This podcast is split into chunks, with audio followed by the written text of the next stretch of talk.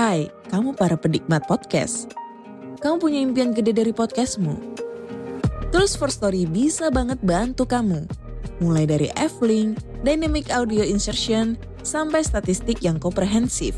Semua ada di First Story. Gak ketinggalan kamu bisa monetisasi podcastmu lewat iklan dari First Story Ads yang bisa kasih kamu penghasilan dari setiap place podcastmu. Yuk gabung sekarang dengan klik di firststory.me. Sekali lagi, klik di firststory.me. Mari kita bawa mimpi podcastingmu menjadi kenyataan. Box to Box Media Network.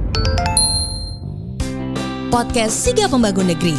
Akan ada podcast baru nih, kerja sama Box to Box bersama dengan Kementerian PUPR. Di podcast ini, kita akan bahas apa saja yang sedang dan telah dikerjakan oleh Kementerian Pekerjaan Umum dan Perumahan Rakyat. Apa saja infrastruktur pendukung untuk membantu penanganan COVID-19 di Indonesia dan transformasi digital yang dilakukan Kementerian PUPR dalam beradaptasi dengan kondisi pandemi. Segera di Box to Box Media Network.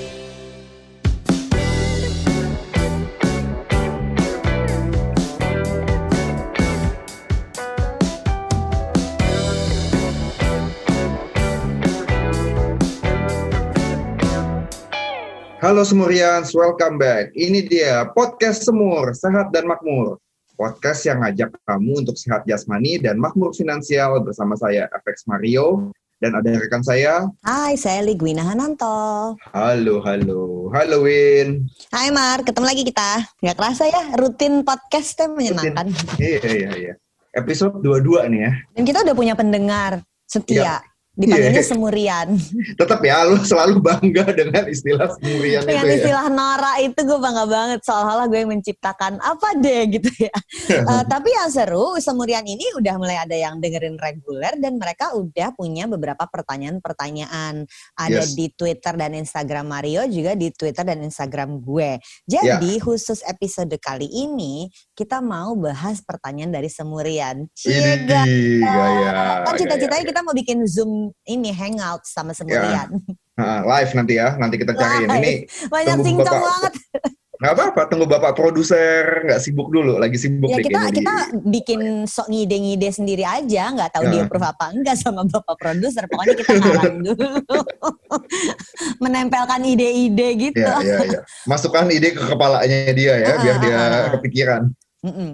Ada ada dua jenis pertanyaan nih buat semur dari. Semurian. Ada pertanyaan sehat buat Mario dan ada pertanyaan makmur buat gue. Jadi nanti gue Ya. sama Mario akan ganti-gantian. Nih mau gimana Mar? Kita mau ngabisin pertanyaan sehat dulu baru pertanyaan makmur atau mau kita selang-seling? Selang-seling aja kali ya, biar Selang-seling nggak aja ya. ah. Biar, Oke, biar- eh, dengerin terus. Eh, coba nih, apakah pertanyaan lu masuk di dalam eh, daftar pertanyaan hari ini? Yang mana dulu, Mar? Pertanyaan sehat dulu ya. Dari pertanyaan saya dulu boleh. Oke, ini pertanyaan sehat yang pertama. Gue yang nanyain pertanyaan sehat dan Maria nanti akan bacain pertanyaan makmur. Pertanyaan sehat yang pertama dari Rengga. Aha. Boleh nanya ya, workout set yang menguras kalori tanpa ngasih beban berlebih ke lutut apa ya? Karena upper body gue gede dan gendut banget, selain bersepeda dan renang, kayaknya yang lain belum visible. Nah itu Oke. memang orang beda-beda kondisi badan kan ya Maria? betul, betul. Jadi betul, kalau betul. kayak gini, biasanya assessment pertama yang lo lakukan apa kalau ketemu sama klien? gua akan assessment biasanya eh, mobility sama flexibility dia seberapa jauh sendinya itu bisa bergerak gitu kan. Terus kan kalau ngomong lutut sakit itu eh, lutut sakitnya pas gimana nih? Gue mesti tahu dulu. Ketika lompat kah? Ketika lurus, ketika ditekuk, nah itu kan beda-beda gitu kan kondisinya kan. Kalau misalnya ternyata nggak bisa lompat, ya udah gue akan kasih latihan-latihan yang nggak nggak nggak banyak lompat gitu kan. Ya. Kalau misalnya ternyata problemnya ketika ketika nekuk, ya udah. Jadi nanti gue akan cari beberapa opsi gerakan. Mungkin kalau nggak bisa nekuk sampai 90 derajat, mungkin cuma 45 derajat deh. Itu udah nyaman apa belum? Gue akan melakukan assessment-assessment kayak gitu gitu. Itu Oke. buat di awal. Jadi kalau dia mau ada olahraga nih buat Hmm. orang yang merasa badannya besar sekali dan khawatir Hmm. sama lutut karena itu kayaknya keluhan yang serius ya Ya. dan ba- bagusnya si Rengga nih sadar gitu. Ya. Kan ada Ya. yang halu, enggak gua nggak apa-apa, gua nggak apa-apa. Hmm. Ini kan dia oh itu yang, yang bahaya. mengerti badannya sendiri kan gitu. Ya, ya. Tapi paling benar, paling bagus sih Rengga sebenarnya kalau ada sakit diobatin dulu, disembuhin dulu. Lo ke Oh, kita ada ada episode bahas fisioterapi tuh. yes, yes, yes, yes, yes. Itu ke fisioterapis atau ke dokter uh, Atau ke spesialis dokter. kesehatan olahraga deh gitu. Iya, iya, karena ternyata lutut itu belum tentu ada masalah di lutut. Gue Ya. misalnya masalah lutut ternyata setelah diperiksa gue otot dari hip flexor yang ada di Hmm, perut hmm, dalam. hmm, hmm. Jadi ketika udah visio udah enak tuh. Tapi Iya, iya, bertahun-tahun gue biarin jadi kayak kayak cedera menahun yang dianggap remeh tuh jadinya kayak numpuk-numpuk-numpuk gitu. Iya, iya, iya. Jadi emang paling bener periksain ya ke ahlinya ya, Mar. ya? Hmm, itu dulu. Terus kalau sementara mau olahraga apa, workout set yang menguras kalori tanpa ngasih beban berlebih ke lutut, latihan upper body gitu kan. Eh, menurut gue gini, lo akan bisa membakar jauh ba- lebih banyak kalori kalau biasanya gue nyebutnya intensitasnya ditinggiin. It's either lo melakukan set Oke. yang misalnya gerakan-gerakan ringan, tapi kalau setnya tinggi lalu waktu istirahatnya pendek, itu lo kan intensitasnya jadi lebih tinggi kayak gini Dewin. Lo Jadi misalnya lo keringetan banyak maksudnya Ah. kan ini. Uh, kayak misalnya latihan lo misalnya uh, 10 lunges tapi 3 rounds nggak ada istirahat itu kan akan lebih capek daripada 10 lunges istirahat satu menit Lu, lu kalau ten lihat lunges, daftar set gue pasti wah parah nih orang gitu ya. ya Coach gitu gue tuh emang ajaib. emang emang nggak apa-apa gue satu satu satu ilmu kok sama- dia so gue approve jadi kan kalau misalnya ngomongin workout yang menguras kalori tanpa ngasih beban berlebih ke lutut menurut gue ya uh, lo lakukan upper body tapi uh, repetisinya banyak terus waktu istirahatnya pendek gitu kalau lo Mhm. waktu istirahatnya pendek kan lo akan lebih capek dibanding misalnya lo satu menit istirahat terus ngelakuin satu set lagi satu menit istirahat lo bikin aja uh, istirahatnya lebih pendek lah 20 detik 30 detik itu pasti akan akan lebih capek terus kedua Interesting. Mm-mm. Terus kardio kalau yang mau nggak membeban, beban- nggak membebani lutut, burpees, my favorite. I love it. Gila kita bisa Oh digulung itu orang malah ya. ke Kita lutut bilang nggak apa-apa ya. ya. Orang-orang kesel. burpees kan nggak banyak membebani lutut, tapi lo uh, you go up and down in a in a fast uh, fast pace itu uh, cukup membakar kalori kok. Gitu. Oke. Jadi bisa eh, tadi buat Rengga cari dulu eh, masalah lututnya itu apa. Yes. Kalau memang udah sakit nggak nggak langsung olahraga sih periksain dulu Mhm. apakah fisio atau dokter. Hmm. Plus kalau memang menurut dia ini serius, latihannya harus pakai coach sih menurut gua. Iya iya iya ada yang liatin lah paling nggak. Karena Gitu. eh, takut jadi isu serius kan. Yes, betul. Jadi paling nggak kalau ada Oke. coach kan coachnya bisa milihin uh, yang bisa lu lakukan yang mana, yang yang atau uh, batasan-batasan gerakan lu sampai semana gitu kan. Ya, Tuh. Itu tadi pertanyaan sehat yang pertama. Pertanyaan makmur. Sekarang pertanyaan Oke. makmur. Oke. Um, Mbak Wina dari Parama nih, apakah Parama. aman jika kita menggunakan jasa investasi online? Oke. Pertama, aman tuh definisi apa dulu? Eh, apakah aman dari sistem IT-nya, ataukah aman dari risiko investasinya, ataukah aman dari penipuan gitu kan? Jadi kita mesti analisis definisi amannya buat Parama apa dulu. Yang kedua adalah definisi jasa investasi online-nya tuh apa? Kalau jasa investasi online ini em gue sebut nama brand tapi bukan rekomendasi ya. Jadi ini eh, contoh-contoh ya. Eh, agen penjual reksadana seperti ini gue sebut semuanya. Bareksa, eh iPod, ini aplikasi online semua kan. Bibit tuh tiga-tiganya tuh aplikasi online yang bisa digunakan untuk beli reksadana. Nah, mesti Mereka dicek. sif- sifatnya agen penjual ya, Win ya? Nah, mereka izinnya apa? Itu yang paling Oh, penting sebetulnya. Mam. oke, Jadi oke, ketika ketika ada kasus eh, dilaporkan ke OJK yang akan jadi pertanyaan adalah ntar dulu lu izinnya apa nih di awal? Hmm. Kalau mereka izinnya adalah agen penjual reksadana, maka mereka akan ada eh, istilah lisensinya tuh em, agen penjual reksadana. Jadi Apa, wa- Wapert ya, wapert apa? Istilahnya tuh untuk orangnya Oh, untuk orangnya, oke. organisasinya harus ada eh, lisensi agen penjual reksadana. Jadi Hmm, tidak semua perusahaan boleh melakukan itu. Oke. Eh, kalau dia mengelola reksadananya, maka dia akan punya eh, lisensi manajer investasi. Ya. Eh, orangnya yang melakukan jadi WMI, wakil manajer investasi gitu. Mhm. Nah, yang gue tahu kalau gue gue maaf ya gue kurang tahu kalau bibit itu eh, belakangnya apa. Tapi kalau Bareksa sama Ipot belakangnya itu perusahaan sekuritas. Hmm. yang memang melakukan transaksi em, jual beli sur- eh, jual beli surat berharga berharga ya, ya. termasuk reksadana gitu. Jadi Oh. kalau kita ngomongin jasa investasi online, kalau definisinya seperti itu, yang kalian harus lihat adalah di lisensi apa dari OJK sehingga kita tuh nggak gini loh, istilah kasarnya ya, bego-begoannya ya, gua nggak akan beli properti dari yang jualannya asuransi gitu. Oke, oke, oke. Gue nggak akan beli asuransi dari orang yang harusnya jualan saham gitu loh Mar. Jadi Ya, ya, ya, eh, ya, ya, ya, untuk ya. memperjelas aja, jadi kayak em, nanya olahraga ke gue, gue nggak punya sertifikasi coach olahraga kan. Hmm, hmm, hmm. Gue akan share ke lu pengalaman gue berolahraga, tapi Ya, gue nggak bisa melakukan pekerjaan coach olahraganya dong gitu. Iya, iya, iya. Sama kayak lu Kasar nanya ke gitu. gue, kalau lu nanya finance ke gue, ya gue bisa jelasin pengalaman gue kerja di QM Financial, gue bisa Iya. ngejelasin uh, bagaimana gue mengelola investasi gue sendiri, tapi ketika gue berpraktek sebagai ahli keuangan, gue nggak boleh gitu kan, ahli Mm-mm, jasa keuangan kayak gitu Nah, kan. kayak gitu yang mesti kita Hmm. perhatiin. Jadi kalau ngomonginnya jasa investasi online, eh, itu yang harus diperhatiin. Yang kedua adalah jasa investasi online itu kan banyak banget ya. Udah banyak juga sekarang istilahnya fintech. Nah, Ya. fintech-fintech ini jadi isu karena segitu banyaknya, ada ribuan, nggak semuanya terdaftar di OJK.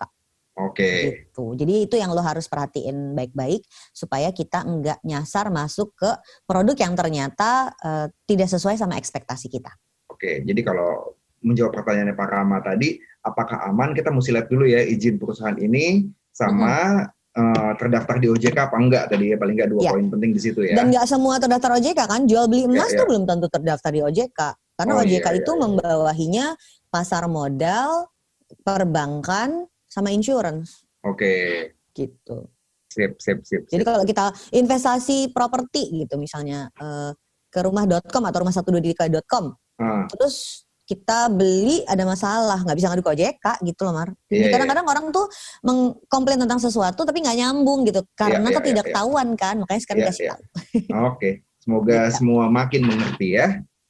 Oke, semoga Pak Rama pertanyaannya terjawab. Thank you ya Pak Rama. Eh, yang Yes. kedua, pertanyaan sehat yang kedua dari Aha. Ruli. Oke, Kalau mau mulai lari itu gimana mulainya? Wah asik nih Mar. Oke. Makin banyak orang yang tertarik investasi, eh, sorry investasi lagi olahraga kan sekarang ya, dengan ya, ya. dengan pandemi itu gue perhatiin makin banyak yang tertarik olahraga. Kalau Ruli sih pertanyaan spesifik ke lari ya, Hmm. tapi selain lari kan olahraga yang lagi hits banget pandemi ini justru sepeda. Sepeda. Kalau mau mulai lari, kalau lu emang suka lari, eh, mulai lari itu dengan cara melangkahkan kaki ke depan, kanan dulu, mau kiri dulu boleh, kemu- kemudian kaki selanjutnya gantian melangkah ke depan, lakukan dengan cepat. Nah, gitu cara lari enggak ya? Nggak itu gitu ya? definisi lari.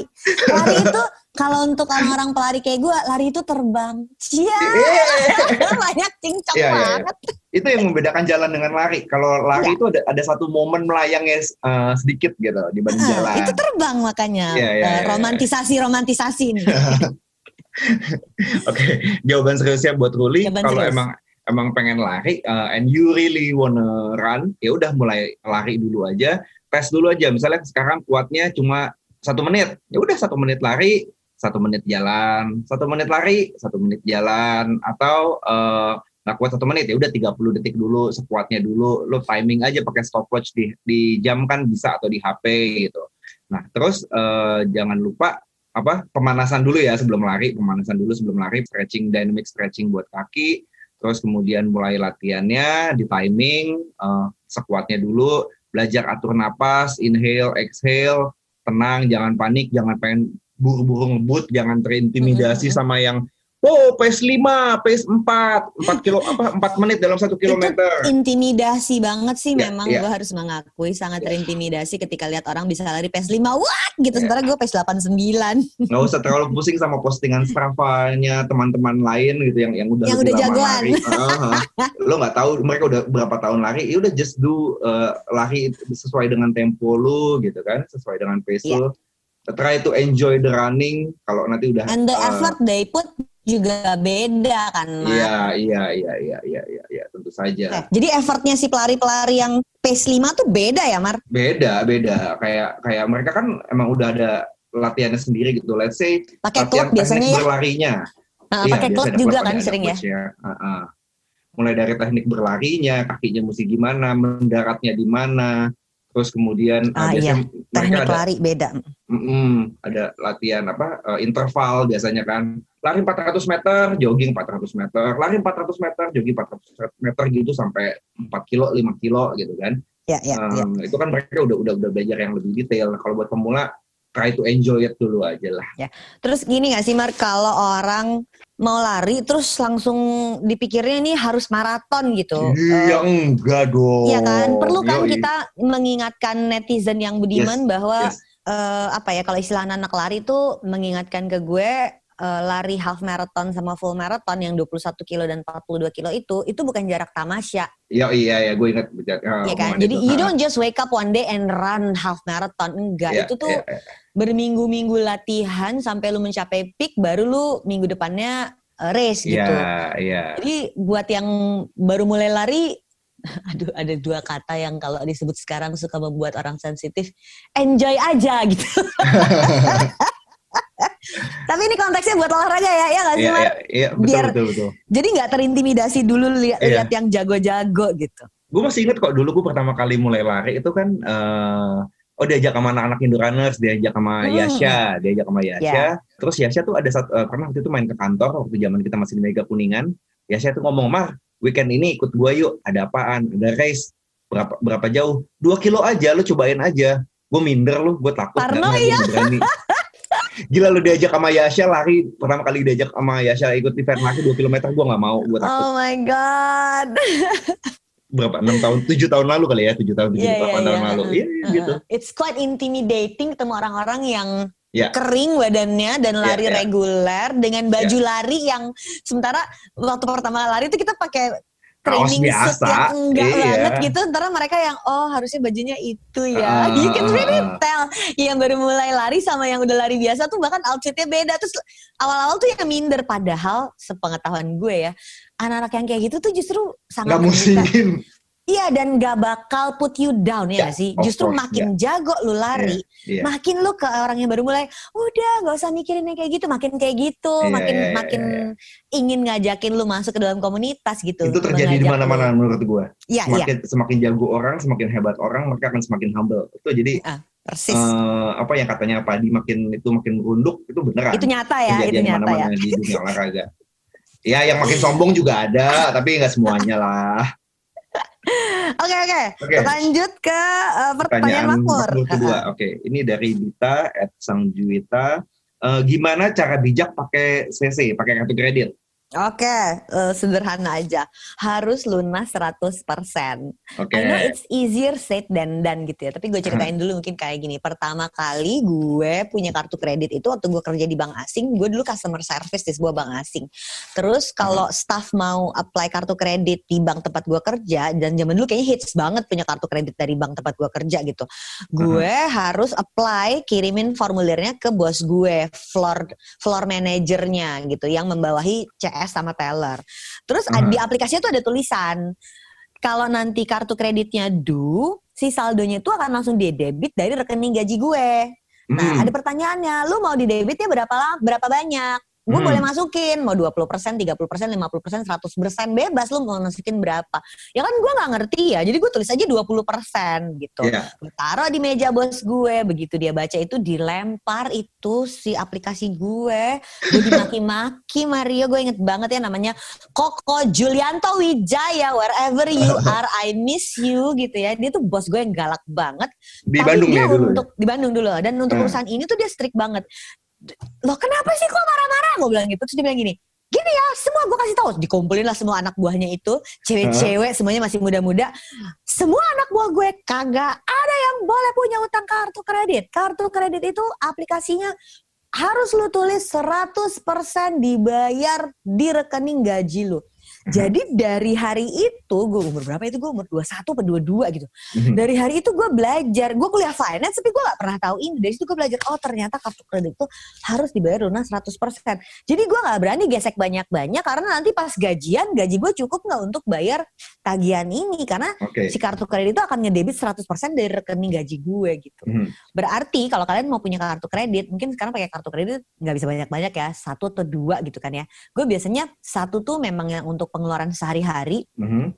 Misalnya nih kalau sebelum pandemi kan grocery shopping, Iya, iya, iya. bayar bensin, Iya. makan di luar gitu kan ya. Iya. Satu kartu lagi tuh untuk online transactions. Zaman dulu Oke. kayaknya eh, keamanan online transaction tuh masih dipertanyakan sehingga kita sengaja taruh online transaction tuh rekening eh, kartunya beda biar kalau ada apa-apa kita tahu yang ini nih yang masalah gitu. Mhm. Kalau sekarang kan ada OTP-nya lah di SMS Iya. lah atau bisa konfirmasi ulang sama banknya lah gitu. Jadi nggak nggak se walaupun masih suka ada ya fraud kartu kredit tapi lebih bisa terkendali lah menurut gue dibandingkan Oke. zaman zaman dulu. So there you go untuk kartu kredit uh, lu boleh pakai berapapun yang lo mau tapi harus ada uang di rekening lo untuk membayarkannya 100%. Jadi kartu kredit itu fungsinya bener-bener hanya jadi kayak charge card pembayaran sementara aja. Karena kalau nggak lunas bunganya gede itu juga. Bunganya gede banget bisa 20 sampai 30 persen per tahun. Iya, iya. Gak ada bawa investasi yang bisa ngalahin bunga itu.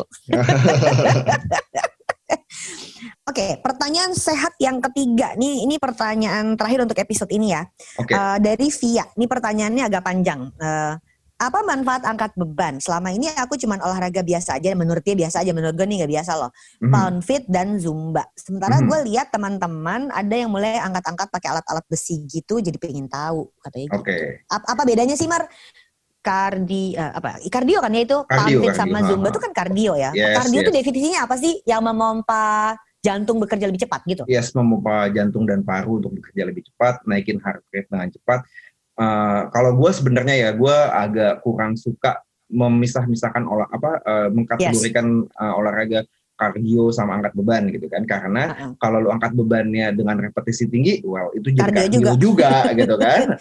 Gue tadi pagi habis latihan sama coach gue keringetnya tuh yang gue rasain Bios. Aha. basahnya gobiosnya sama kayak kalau gue abis ikut zumba tone Ya, ya, ya, ya, ya. sama sama gue lari 5 kilo kemarin gitu. Aha, aha. Lebih banyak lah emang rasa, rasanya gue olah- basahnya olah, apa olahraga hari ini angkat dumbbell-dumbbell Karena itu kayak yang tadi kita bahas di pertanyaan pertama Pasti intensitas intensitas. tadi ya. Intensitas tadi lu restnya pendek gitu kan. Uh, Ya, heart ya. rate lu naik dengan cepat. Kalau mau ngomongin spesifik manfaat angkat beban, ya uh, pasti lu akan mening- meningkatkan masa otot. Dengan lu lebih lebih berotot, Oh oke. Masa otot ya. Kalau angkat Yes. beban itu ada efeknya Yes. ke masa otot. yes, uh, lu kan naikin masa otot lo. Ketika otot di tubuh itu bertambah, berarti satu, lo bisa bergerak lebih baik karena kita kan bergerak menggunakan otot.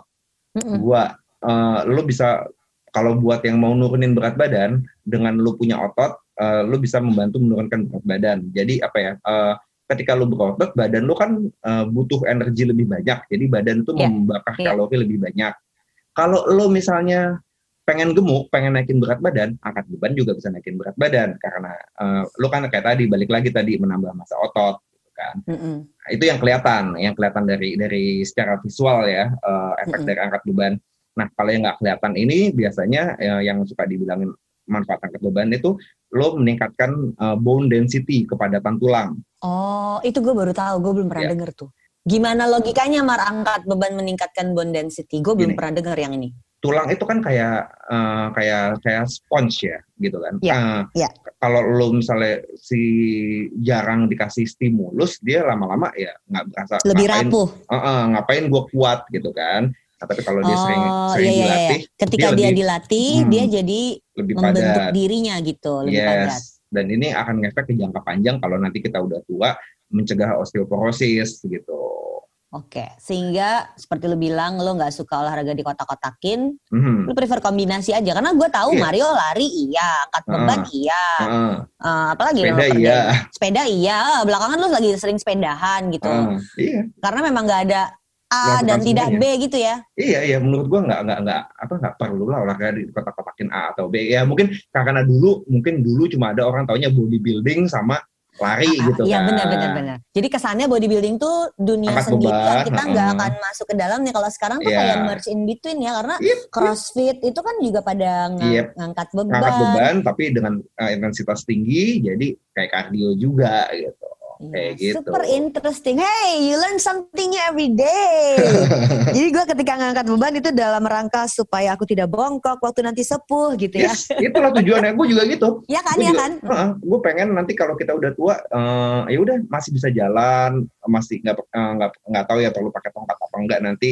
tapi paling nggak semoga amit-amit jangan sampai di kursi roda lah kalau kalau umur kita panjang gitu kan. Ya, karena uh, kita punya long term goal. Kalau short term goalnya kan selama pandemi ini kita uh, survive ya. ya, ya jadi ya. jadi bukan cari olahraga prestasi lah mhm, pokoknya. Gue mhm, gue akhirnya kemarin memutuskan untuk lari 5 kilo keluar portal. This is like ya. the first time gue lari lagi di Kemang. Ya, gue lihat, uh, lihat. Kemarin-kemarin gue larinya tuh di area yang kosong-kosong banget di Pondok Indah mm -hmm. sama Dharma Wangsa. Kalau mm -hmm. yang di Kemang tuh cenderung lebih rame kan area rumah gue. Akhirnya gue memutuskan itu dan berhasil nemu route yang menurut gue rute yang cukup kosong gitu. Uh, dan setiap lari itu di kepala gue bener-bener inget waktu kita podcast sama Fala Adinda kan sama dokter yeah, Fala. Yeah, yeah.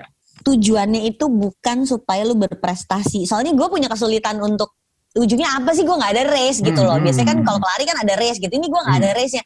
Terus gue mengingat itu aja nggak apa-apa. Gue cuma lari 5 kilo tapi I'm running for my survival. So yeah, guys yes, untuk yeah. olahraga ini menurut gue uh, short term goalnya kita mau survive, long term goalnya adalah sehat makmur tentu saja. Oke, okay, mantap. Oke, okay, ini tadi obrolan kita benar-benar literally dengan Samurian karena menjawab pertanyaan-pertanyaan dari kalian. Uh, huh? Suka banget nih gue uh, dapat pertanyaan-pertanyaan. Boleh loh kalau kalian punya pertanyaan lain, tag gue sama Mario di at Mrs. Hananto uh, dan at FX Mario. Yes. Um, karena kami akan dengan senang hati untuk bikin edisi kedua keduanya tanya lagi jawab. Mm -hmm. untuk uh, tanya jawab bareng sama Semurian. Jangan lupa ya dengerin terus podcast Semur karena kalau di sini buat apa sehat tapi nggak punya uang, buat apa makmur tapi sakit-sakitan.